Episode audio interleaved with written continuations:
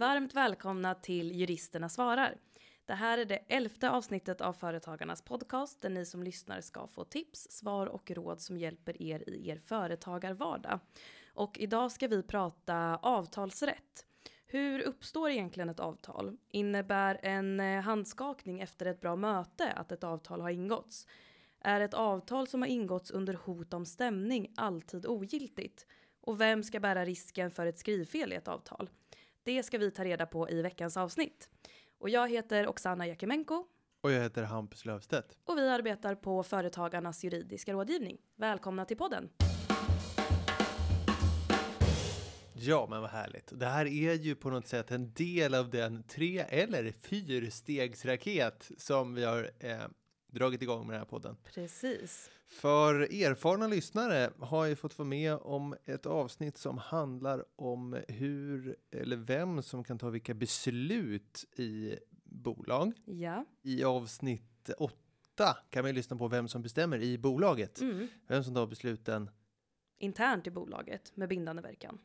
Precis, Mm. och sen så i avsnitt 9 så ta- talar vi avsnitt eh, vem i företaget kan teckna avtal om hur man i bindande verkan gentemot tredje man då kan teckna avtal. Man pratar om Exakt. behörighet och, och, och Sådana behörighetsöverskridande. spännande Ja, saker. precis. Precis. Och här är vi då i, i det tredje delen, Mm. om jag får kalla det för en serie, eh, kring då helt enkelt hur uppstår avtal. Och sen ska jag göra allt för att ni lyssnare ska få höra på ett fjärde avsnitt om avtalstolkning. Vi får se hur den propageringen går. Men med det sagt så tänker jag att vi drar igång med den första frågan. Vad säger du Oksana? Det låter bra. Hej juristerna svarar. Jag driver ett företag som producerar diverse komponenter för tillverkningsindustrin. Jag har kunder i alla storleksklasser, ända från den minsta lokala tillverkaren till stora industrier. Det här gör att beställningar sker på lite olika sätt, både genom klassiska skaka hand-överenskommelser till e-postkonversationer till för de stora beställningarna långa tvåspaltiga kontrakt. Det här fick mig att skriva in och ställa frågan hur kan giltiga avtal egentligen tecknas? Mhm. Mm, först och främst. Kul att frågeställaren stannar upp och reflekterar över olika affärer sker på olika sätt. Precis som att affärer för våran frågeställare ser olika ut så kan även avtalsslut, alltså hur ett giltigt avtal träffas mellan två parter, se lite olika ut. Jag tänker därför att som svar på frågan kan vi först ta upp några typfall för hur avtal kan träffas vilket vi kan kalla för olika avtalsslutsmekanismer och sen även hur de här avtalsslutsmekanismerna kan ske på olika sätt. Då. Om vi först ser till den så kallade anbud-acceptmodellen och den hittar vi ju faktiskt i avtalslagen, vilken är framtagen av framförallt för avtalsslut med parter som på geografiskt sett befinner sig på lite olika platser. Då var det brev och telegram som åsyftades, men det fungerar ju faktiskt alldeles utmärkt på nymyndigheter som e-postmeddelanden också. Otroligt va? Att 1915 års avtalslag ständigt görs aktuell. Ja, men verkligen. Det, det ska ändå lagstiftarna ha. Verkligen! Mm. I den här avtalsslutsmekanismen så uppkommer avtalet genom utväxling av ett anbud och en accept av sammanstämmande innehåll. Det behöver inte vara exakt samma innehåll i anbudet och accepten för att avtal ska uppkommit, men det behöver i alla fall ha ett överensstämmande innehåll. Då. Mm. Sen har vi en annan klassiker som avtalsslutsmekanism och det kan vi väl kalla för det gemensamma avtalsslutet. Då uppkommer ett giltigt avtal genom att två parter till exempel enar sig om en avtalstext och sen signerar ett skriftligt kontrakt gemensamt. Eller att två parter har muntliga förhandlingar och efter förhandlingarna kommer överens och skakar hand. Så nu har vi alltså sagt att avtal kan eh, uppkomma genom två olika avtalsslutsmekanismer. Jag säger inte att det här är de enda, men jag nämner dem för, för Mm. pedagogiken. Då. Men antingen genom anbud accept eh, som är överensstämmande eller genom gemensamt avtalsslut. Då. Men de här avtalsslutsmekanismerna kan ju också ske på olika sätt, lite som frågeställaren eh, skriver om. Anbud och acceptmodellen kan ju ske muntligen. Hej, vill du köpa 10 stycken röda äpplen för 10 kronor styck? Ja tack, jag vill köpa 10 röda äpplen för 10 kronor styck. Tackar, tackar. Och det kan ju ske genom konkludent handlande också genom eh, vad den part eh, de facto gör. Till exempel att man parkerar en bil på en parkeringsruta som accept av ett anbud på en skylt. Och det kan ske skriftligen via e-post också. För enkelhetens skull kanske det ena mejlet stod Hej, vill du köpa 10 stycken röda äpplen för 10 kronor styck? Och då svarade jag på ditt mejl, ja, jag vill köpa 10 stycken röda äpplen för 10 kronor styck. Bam! Avtal slut, va? Det är Just det. härligt. Mm. På samma sätt kan gemensamt avtalsslut ske genom till exempel en muntlig överenskommelse efter eh, att en förhandling har, har hållits om villkor. Då. Man kanske har suttit och tagit fram villkor och så utbrister båda parter. Detta avtal ska vi ha! Sen kan ju också avtalsslutet ske genom att båda parter faktiskt skriver på ett avtal kring villkoren som man har kommit överens Mm. om. Sen finns det faktiskt möjlighet att genom passivitet också bli bunden av ett avtal, att avtal uppkommer genom det. Men varför jag lyfter ut det lite från att direkt applicera på de här två stycken avtalsslutsmekanismen är väl egentligen att den i avtalslagens, de möjligheter till det i avtalslagen, tredje, sjätte och nionde paragrafen Mm. om jag inte missminner mig, är ganska svårt tillämpade. Och eh, det har väl utanför det i praxis så, så där sett som ganska svårt att att genom avtalsrättsliga principer och analogier från de här eh, nämnda paragraferna i avtalslagen då eh, komma fram till bundenhet av passivitet. Men det finns sådana situationer Mm. så kan man kan väl nämna det. Men, Mm. men, men att man, Men vill man ingå avtal så, så kanske man snarare då ska satsa på, på de här sätten där man faktiskt uttrycker eh, en tydlig avsikt och inte att genom den här passiviteten som du sa. Nej men precis, eh, så att det, det får man ändå eh, se som undantagsfall. Jag Mm. vill ändå nämna det. Varför vi slänger ut det här på bordet om avslutsmekanismer och olika sätt de här avslutsmekanismerna kan ske på är ju för att lagstiftningen på området inte på något sätt är uttömmande. Och om man tänker just regleringen i avtalslagen så, så var inte tanken med den att den skulle vara uttömmande. Den tog som sagt uttryckligt sikte på till exempel avtal via brev eller telegram. Då. Första paragrafen i avtalslagens eh, andra stycke står det vad i nämnda paragrafer stadgas skall lända till efterrättelse så vitt ej annat följer av anbudet eller svaret eller av handelsbruk eller annan sedvänja. Som vanligt glasklart. Lagen är ju från 1915 som Ja, sagt men och det precis. kan man ju höra i de allra flesta bestämmelser man Ja, läser. men vad vi, vad, vi, vad vi ska ta fasta på här kanske inte är efterrättelse. Men vad vi ska ta med oss är väl egentligen att paragraferna kring giltiga anbud och accepter lämnar ogiltighetsgrunder och regler om fullmakter därhän då. Men det är ju det här att så vitt jag gärna att följer av anbudet eller svaret eller av handelsbruk eller av sedvänja. Eh, avtal som i annan lagstiftning kräver annan form träffas inte heller av lagstiftningen. Då. och kan, eh. vi ge, kan vi ge något exempel på det? Ja, fastighetsköp i jordabalken. Mm, exakt. Eh, det här gör att man vid utredande av ett giltigt avtal ofta blir förpassad till i alla fall undersöka avtalsrättsliga principer och, och praxis och inte bara stirra sig blind på, på lagtexten här. Mm. Men för att inte lämna frågeställaren förvinnen med hur giltiga avtal kan träffas så tänkte jag bara lite kort också nämna vad som är grundförutsättningar för att avtalen enligt eh, nämnda avtalsslutsmekanismer ska bli giltiga. Många konsonanter. Först och främst så ska den som företar rättshandlingen, till exempel skriver på eller parkerar bilen i den här rutan vi var inne på, ha rättshandlingsförmåga. Det vill säga har en, en kompetens att företa rättshandlingen. Och typiskt sett för fysiska personer så handlar det om att vara myndig då. Och för juridiska personer att det ska ha behörighet att teckna avtal för företagets räkning. Och som, som vi var inne på förut då, så för en nyfikne kan man med fördel lyssna på avsnitt 9 Eh, beträffande det då, av juristerna svarar. Sen så har man ju traditionellt sett för att utröna det här med bundenhet av en rättshandling, eh, till exempel påskrift eller lä- lämnande av accept eller eh, parkering av bilen då, tittat på den rättshandlades avsikt att binda sig, viljeprincipen, hur rättshandlingen ser ut och hur motparten uppfattar den rättshandlades vilja. Tillitsprincipen där på slutet då. Mm. Teoretiskt sett kan man säga att, det, det- att bundenhet beror på samspelet av de här tre Avtalslagen hjälper oss lite till faktiskt på traven med den här anbud och acceptmodellen på så sätt att eh, förutom de här grundförutsättningarna på de här olika sätten som avtalsslutsmekanismerna kan ske så har vi faktiskt regler kring vad som är ett giltigt anbud. Mm. När man lämnar det här, hej, jag vill, vill du köpa tio äpplen? Vad, alltså, vad är det som gör det anbudet Giltigt. Eh, Giltigt, liksom. precis. Mm. Och då så har man att det ska vara ett klart, tydligt erbjudande, att det ska vara till en viss adressat, alltså inte, mm, inte riktat till en vidare krets då. Eh, sen att den ska vara utgiven, alltså eh, överlämnad till till exempel posten för att det ska vara ämnat att nå adressaten då. Så. Så om jag står på torget och ropar hej, vill någon köpa frukt?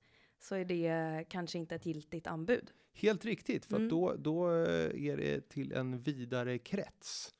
Så på, på samma sätt så, så resonerar man när det kommer ett brev i brevlådan kring hej, du kan få köpa eh, skrivartoners för det här. Mm. Eh, Det kanske står Hampus Lövstedt eh, och min adress liksom som Mm. adressat Mm. och det tyder lite mig, men det ser man också som att, att det är riktat till en vidare krets och inte ett, eh, ett giltigt anbud då, utan snarare en, en eh, anmodan att lämna anbud från min Just sida. det. Att jag ska ringa och lämna ett anbud. Hej, jag vill köpa den här tonen. Så de kan acceptera mitt Mm. anbud så. Mm, just det. Ehm, och vid specifika situationer som verkligen passar avtalslagen så har man ju verkligen hjälp av den. Till exempel det här med att om jag säger eh, att hej, vill du köpa 10 stycken röda äpplen för 10 kronor styck?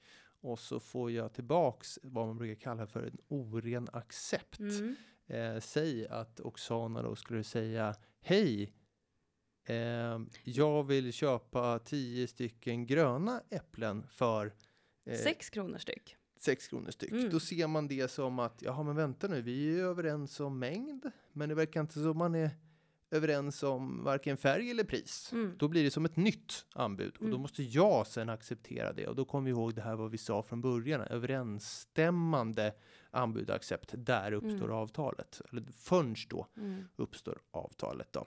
Men varför pratar vi om det här då? Jo, det är väl för att avtalsrätten genomsyrar företagares vardag. Mm. Och eh, den här, de här principen om att var en har rätt att fritt ingå avtal kontra då principen om att parter som väl tecknar avtal har en skyldighet att följa vad man åtagit sig beträffande skyldigheter enligt avtalet. Då. Den här avtalsbundenheten, eller pacta sunt servanda som vi jurister brukar säga, alltså avtal ska hållas Just på det. latin. De här båda principerna och avtalsrätten är ju ständigt eh, aktuella för företagaren. Då. Nej, men jag kanske slutar där eh, som svar på första frågan. Eh, frågeställaren har fått reda på oli- olika avtalsslutsmekanismer och på olika sätt som, som man kan rättshandla på då, eh, för att träffa ett giltigt avtal. Ja. Konkludent handlande genom att skriva på muntligen eh, inom, inom båda de här avtalsslutsmekanismerna Mm. oavsett om det är anbud och accept eller om det är gemensam partsvilja som har Mm. gått igenom. Precis, och passivitet är ju också ett sätt att bli bunden på. Eh, men det kanske inte är det bästa eh, sättet att ingå avtal. Nej, men precis att man eh, oavsett avsluts, av, oavsett avtalsslutsmekanism eh, så kan ju passivitet vara inblandat. Men det är ingen bra idé att eh, förlita sig på det för att eh, våran käpphäst som vi brukar skicka med när vi pratar med medlemmar är ju det här att det eh, man ska att det är onödigt att inte vara överens. Mm. Att det, det är bra att försöka få ner saker och ting på pränt från första början så att man inte eh, eh, hamnar i en tvist senare egentligen bara för att man varit otydlig mot varandra. Mm. Och passivitet är ju minst sagt något som, som kan vara otydligt. Då. Mm, absolut. Ja, nej men fint. Jag kör en till. Okej. Ja, men visst. Ja. Hej! Jag har ett företag som jobbar med marknadsföring av event. Jag och en eventarrangör har i månader förhandlat fram ett kontrakt, men vi signade det aldrig. Arrangören sa åt oss att sätta igång arbetet och vi drog igång. Och nu har vi precis avslutat leveransen så här nio månader senare. Kan jag fakturera enligt det pris som står i det osignade kontraktet? Mhm. Spännande. Mm. Kort och gott, ja skulle jag säga. Är det varje dag man får ett rakt svar från en Nej, det är det verkligen inte. Då får vi se hur jag, hur jag kommer dit då bara. I avtalsförhandlingar så brukar det vara underförstått att det som diskuteras under förhandlingen kring det här avtalet som inte är signerat då, så kallade preliminärer snarare än, än, än, än direkta viljeförklaringar eller om man skulle prata anbud alltså och konkreta anbud. Men här har ju både frågeställaren och eventarrangören agerat på ett sätt som om att avtalet är gällande i och Mm. med att eventarrangören med sin beställning sätter igång och eh, frågeställarens påbörjande av leveransen. Jag skulle därför säga att det genom konkludent handlaren kommit till ett gemensamt avtalsslut även om kontraktet inte signerats. Eller vad Mm. säger du? Ja, nej men jag, jag måste nog hålla med. Ehm, alltså även om det här då tidigare var preliminärer. Alltså pre- tidigare så var det här avtalet som de kanske skickat mellan varandra eller suttit och stirrat på har varit en preliminär, inte ett tydligt anbud. Men att det i och med agerandet Mm. från den både genom konkludent handlande oavsett om man kör, eh, tänker sig argumentera för att det var ett gemensamt avtalsslut så kan man väl säga att de gemensamt har genom konkludent handlande avtalat om de här villkoren. Mm. Ehm, och om man vill vara kreativ i avtalsrätt så kan man ju också tänka sig att man kan se det som ett anbud, accept med villkoren när den här beställningen och sätter igång med arbetet sker, att det är Mm. underförstått vad de villkoren man agerade på. Ja, Mm. och oavsett om man väljer avslutsmekanism, anbud, accept eller gemensamt avtalsslut skulle jag nog ändå komma fram till samma slutsats. Mm. Och då undrar du, har jag någon grund för det här? Eller är det bara jag som sitter och funderar? Ja, har du det? Har du någon Eh, grund verkligen? Jo, men det har jag faktiskt. Även om det kanske inte är direkt tillämpligt då. Jag har ett rättsfall från Danmark från Högsta domstolen där. Där så utdömde då Höjesterätten eh, en part till en uppsägningstid enligt ett avtal som inte hade signerats. Mhm. Eh, parterna till avtalet var en tidning och ett tryckeri. Trots att parterna inte hade eh, slutligt blivit eniga kring en avtalsförhandling och ett skriftligt avtal och inte skrivit på så hade tidningen eh, sagt åt dem, alltså beställt som våran frågeställare, Mm. att sätta igång med tryckeriet. Så hade tidningen då tryckt det här under två års tid. Sen sa tidningsföretaget upp avtalet, sa upp det här uppdraget med att Mm. trycka tidningen med en väldigt kort uppsägningstid. Så upp med kort varsel då. Och då, och då sa Höjesterätten att, att, ehm, att avtal ändå hade uppkommit för det här ursprungliga avtalet som inte hade signerats genom parternas handlande. Och därför så fastställde då Höjesterätten den här uppsägningstid som skriftligen då osignerat var på 12 månader. Mhm. Det här var ju då ett lite längre um, konkludent handlande eller vad man ska säga. De hade Mm. agerat på det här i två års tid och våran frågeställare hade nio månader. Så, så, men som sagt, det är ju inte direkt tillämpligt. Men man kan ju faktiskt, Hämta lite ledning i alla fall. ja, hur man kan det kan man tänka. faktiskt göra Mm. även om rättsfall från andra länder är inte alltid direkt tillämpligt. Man kan se det som doktrin, va? Alltså som liksom Mm. litteratur och diskussion i, som, i sin argumentation i domstol. Mm. Så så, ska vi köra Bra. nästa fråga eller vad säger du? Ja, det gör vi. Härligt! Hej juristerna svarar-podden. Sedan några månader tillbaka har mitt företag haft en oenighet med ett annat företag som vi köpte webbutvecklingstjänster av.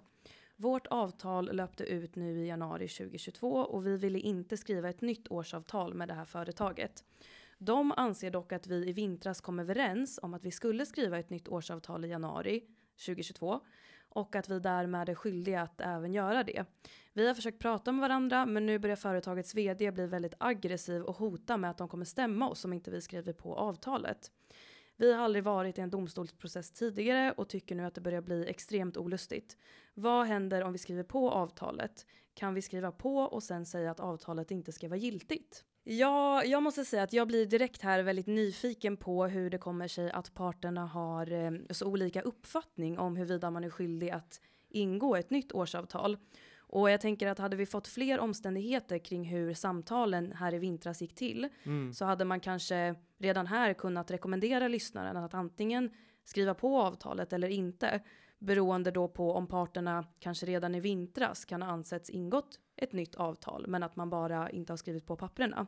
Ja men precis som vi var inne på i förra frågan. Har det varit Precis. preliminärer vi har pratat om? Exakt. Eller har det varit anbud, accept och viljeförklaringar? Och... Exakt, har det skett något eh, form av konkludent handlande Ja men eh, precis. som innebär att man faktiskt borde skriva på de här papperna. Mm.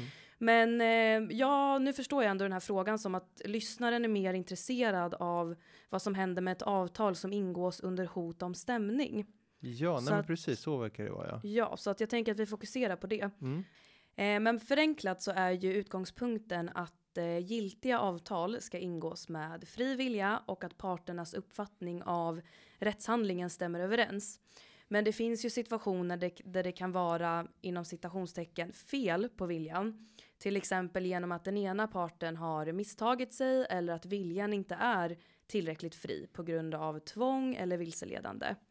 Och i sådana situationer så kan följden bli att avtalet som har ingåtts eh, blir ogiltigt.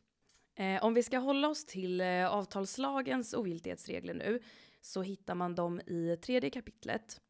Och eh, kort sagt så blir avtal ogiltiga när de ingåtts genom tvång, genom svek, vilket då till exempelvis kan vara att eh, ett avtal har ingåtts genom att den ena parten har lämnat oriktiga uppgifter eller utelämnat vissa uppgifter. Så som vi ibland brukar kalla för vilseledande förfarande. Precis, exakt. Eh, avtal kan också bli ogiltiga på grund av ocker, vilket betyder då att man har eh, utnyttjat någon annans trångmål. Eller så kan avtal bli ogiltiga på grund av felskrivning eller annat misstag. Mm. Det här är de lite mer specifika situationerna som regleras. Sen finns det också två lite bredare bestämmelser som tar sikte på där avtal kan bli ogiltiga på grund av eh, andra omständigheter eller än som de här tidigare bestämmelserna reglerar. Till exempel om eh, omständigheterna vid avtalets tillkomst strider mot tro och heder eller om ett avtalsvillkor eller omständigheterna vid avtalets tillkomst i övrigt är oskäliga. Mhm. Och ehm, som du sa Hampus, det, det här med svek, det brukar ju vi också kalla för vilseledande. Det. Och det pratade vi om i blufffaktura eh, avsnittet. Det är Ja. avsnitt nummer fem. Så vill man veta mer om eh, vilseledande grunden så kan man lyssna på avsnitt nummer fem av podden. Ja, men just det. Men nu som sagt så ska vi fokusera på tvångsbestämmelserna. Och eh, det finns två. Den första eh, finns i eh, tredje kapitlet 28 paragrafen och innebär att ett avtal blir ogiltigt om det ingåtts genom våld eller hot som innebär trängande fara för motparten. Eh, det som avses i den här bestämmelsen det är så kallat råntvång, det vill säga det här typiska pistol mot pannan-fallet. Mm, alltså mm. tvång som, som är brottsligt helt enkelt. Mm. Eh, och anledningen då till att avtal i de här fallen blir ogiltiga, och det är knappt som man behöver säga det, men, men hela grunden för fri vilja faller ju i och med att man blir hotad Ja, eh, till att ingå det här avtalet. Och den här regeln är ganska enkel att tillämpa på så sätt att eh, avtal som ingås genom råntvång alltid blir ogiltiga. Och lyssnaren här har ju beskrivit att vdn började bli väldigt aggressiv Mm. men jag, jag tolkar ändå det som att den här eh, som att den här aggressiviteten inte har inneburit någon trängande fara för lyssnaren Nej. utan snarare kanske att det handlar om en aggressiv ton. Ja, nej men då, det har vi kanske för lite för omständigheter för liksom. Men, Ja, ja, men absolut. precis, precis. Ja, men jag, jag tar mig eh, rätten att Ja, tolka det på det viset. Mm. Exakt, och det gör ju då att den här regeln om råntvång då inte är tillämplig på Nej. lyssnarens situation. Den eh, andra bestämmelsen som rör tvång eh, finns i tredje kapitlet 29 paragrafen. Och den innebär att ett avtal kan bli ogiltigt om det ingåtts genom användande av tvångsmedel men i form av ett lindrigare tvång Mm. än i den förra bestämmelsen. Så att här handlar det alltså inte om eh, livshotande tvång utan mer att, att hotet eller tvånget upplevs som obehagligt. Och eh, tvånget i det här fallet eh, behöver inte heller vara brottsligt till skillnad då från eh, råntvångsbestämmelsen. Okej. Och, eh, men för att den här regeln ska bli tillämplig, för att den här bestämmelsen ska bli tillämplig så krävs det också att det föreligger ett orsakssamband mellan tvånget och rättshandlingen och att tvånget har varit rättsstridigt. Och bara för att ge ett exempel på lindrigt tvång, Mm. eh, som förvisso är brottsligt, men det är ju utpressning, Mm. eh, där man kanske genom hot att avslöja en viss information som är till nackdel för ens motpart försöker Mm. få motparten då att vidta en rättshandling. Men det är ju dock inte säkert att den som blir utpressad påverkas av det här försöket. För personen kanske känner att eh, nej men jag har rent mjöl i påsen eller jag behöver inte oroa mig för att den här informationen ska komma ut för jag har redan Mm. själv avslöjat den. Mm. Och i en sån situation så uppfylls ju inte det här kriteriet på orsakssamband Nej. mellan tvånget och rättshandlingen. Eftersom att tvånget då inte har varit ett villkor för att rättshandlingen skulle företas. Ja, men jag förstår. Så att även om man kan tycka att det är ja, men både brottsligt och omoraligt att utpressa någon så är det inte säkert att det i den här avtalssituationen leder till ogiltighet. Eh, och det andra kriteriet som jag nämnde det är att tvånget ska vara rättsstridigt. Och ja, vid råntvång så är det ju uppenbart då att tvånget är rättsstridigt. Eh, men i de här lindrigare fallen av tvång så är det inte lika enkelt. Nej. Så att ett hot om tvång kan vara fullt lagligt, till exempelvis då ett hot om stämning, men ändå vara rättsstridigt. Eh, och som sagt, jag förstår det som att lyssnaren upplever att eh, han eller hon, då, eller att motparten här hotar om att stämma i domstol och att det används då som ett tvång för att få dem att skriva på ett nytt årsavtal. Mm. Och i brottsbalkens eh, fjärde kapitel fjärde paragraf så anges att den som hotar att åtala eller ange annan för brott kan dömas för olaga tvång om tvånget är otillbörligt. Och det här är ju den straffrättsliga situationen av det Mm. hela så att säga. Men varför jag tar upp det är för att vi kan hämta ledning från den här bestämmelsen när vi ska bedöma den avtalsrättsliga All right. sidan av situationen. För frågan blir ju som sagt vad, vad är ett rättsstridigt tvång? Ja, det är otillbörligt. Kan man ta användning av det då eller? Exakt så. Mhm. Eh, det är just det här otillbörligt som man fokuserar på. Mm. Och då kan man säga som så att ett tvång är till exempelvis inte otillbörligt om det innebär eh, legitima påtryckningar för att någon ska erkänna ett brott eller för att man ska få en skälig kompensation för en skada som eh, motparten har orsakat. Okej. Men sker tvånget däremot med uppsåt att skada den andra Mm. eller att uppnå en, en oskälig ekonomisk förmån, då anses det i regel som otillbörligt. Så att det avgörande här är ju framförallt syftet då med Mm. tvånget. Så att svaret på lyssnarens fråga eh, om vad som händer med avtalet om de skriver på och sen om de kan hävda att avtalet är ogiltigt är klassiken det beror på. Ja, men jag förstår.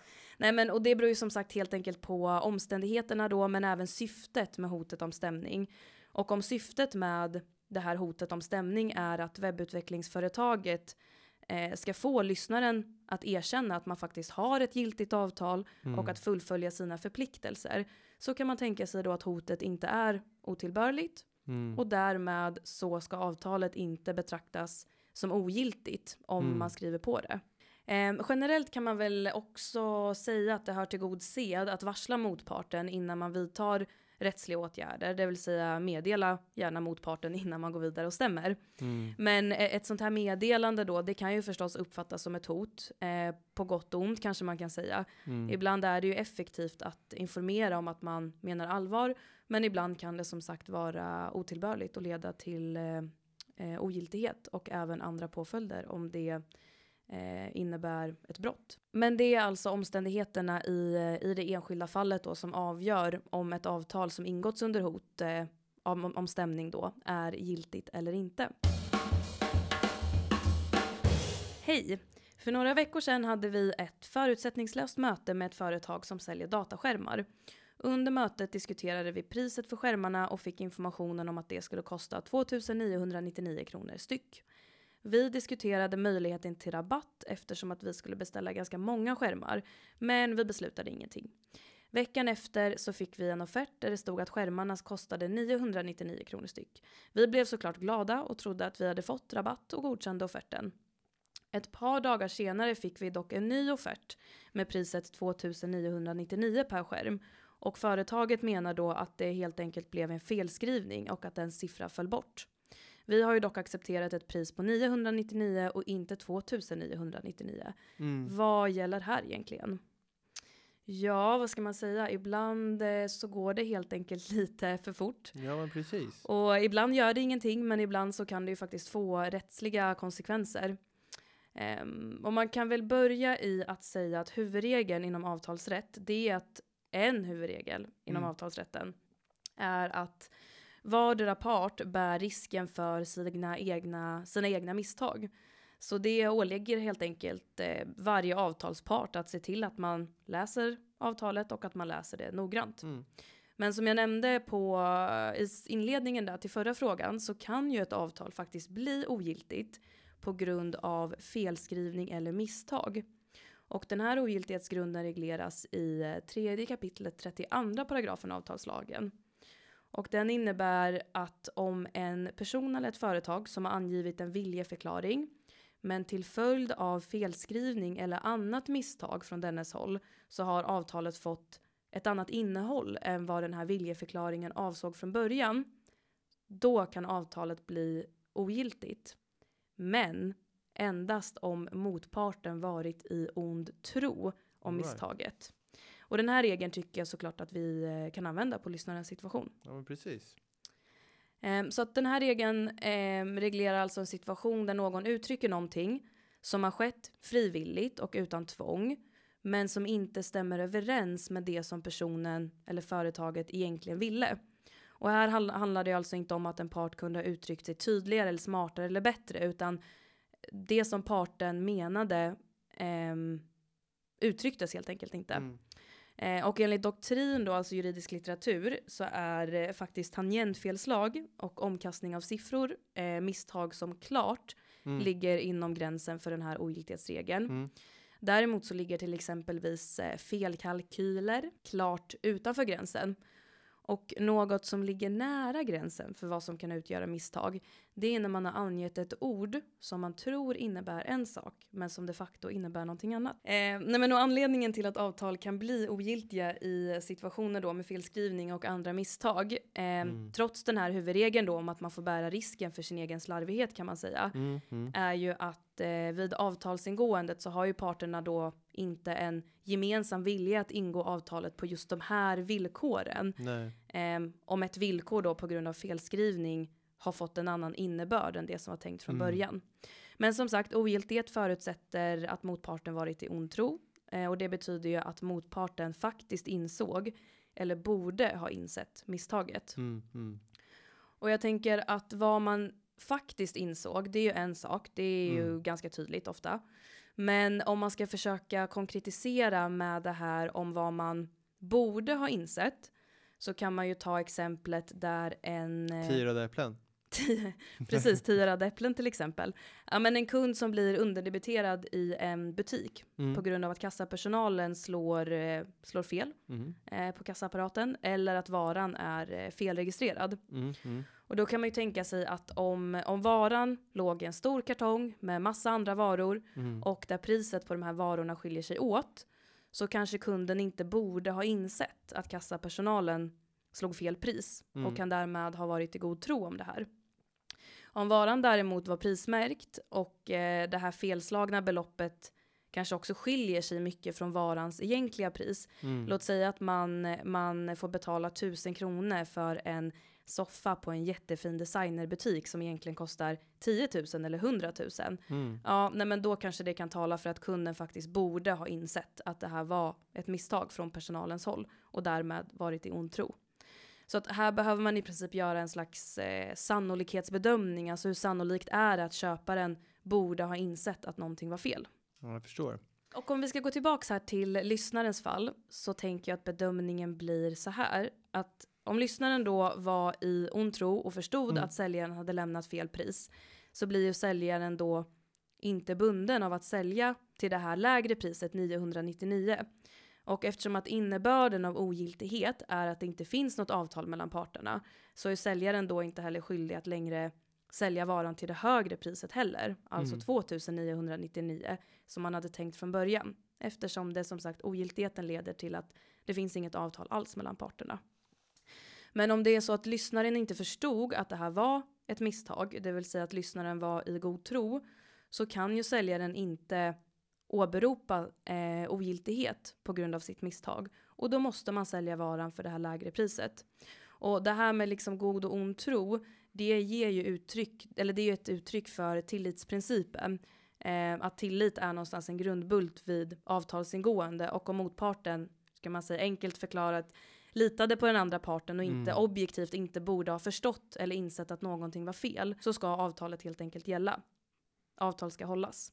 Men och, och liksom om man ska gå tillbaka till de här omständigheterna, eh, nu blir ju mitt svar likt det förra att eh, det beror på. Mm. Men anledningen till det är ju att vi vet ju inte fler omständigheter än det som lyssnaren skickade in och här behöver man ju för att kunna med säkerhet säga hur det ligger till så behöver man helt enkelt eh, veta mer. Så bra! Nej, men alltså, då har vi gått igenom det här med avtalsgiltighet, hur avtal kommer till och avtalsogiltighet. Eh, och peppen är ju då alltså total inför det stora avtalstolkningsavsnittet. Eh, Om det blir något sådant. Om det blir något sådant. Mm. Eh, men eh, vi har kommit till slutet på detta avsnitt. Som medlem i Företagarna kan du utan kostnad ringa till oss och våra kollegor i den juridiska rådgivningen och få personlig hjälp. Du når oss på telefon 0771 45 45 45. Kolla gärna in vår FAQ på företagarna.se också där ni hittar fler svar. Ni kan även signa upp er på ett nyhetsbrev där. Har du en fråga till podden? Då tycker jag att du mejlar det till podcast.foretagarna.se. Klippningen är gjord av Petra Chu och underlaget av David Hagen. Vi hörs igen om två veckor. Tack för att ni har lyssnat. Hej då! Hej då!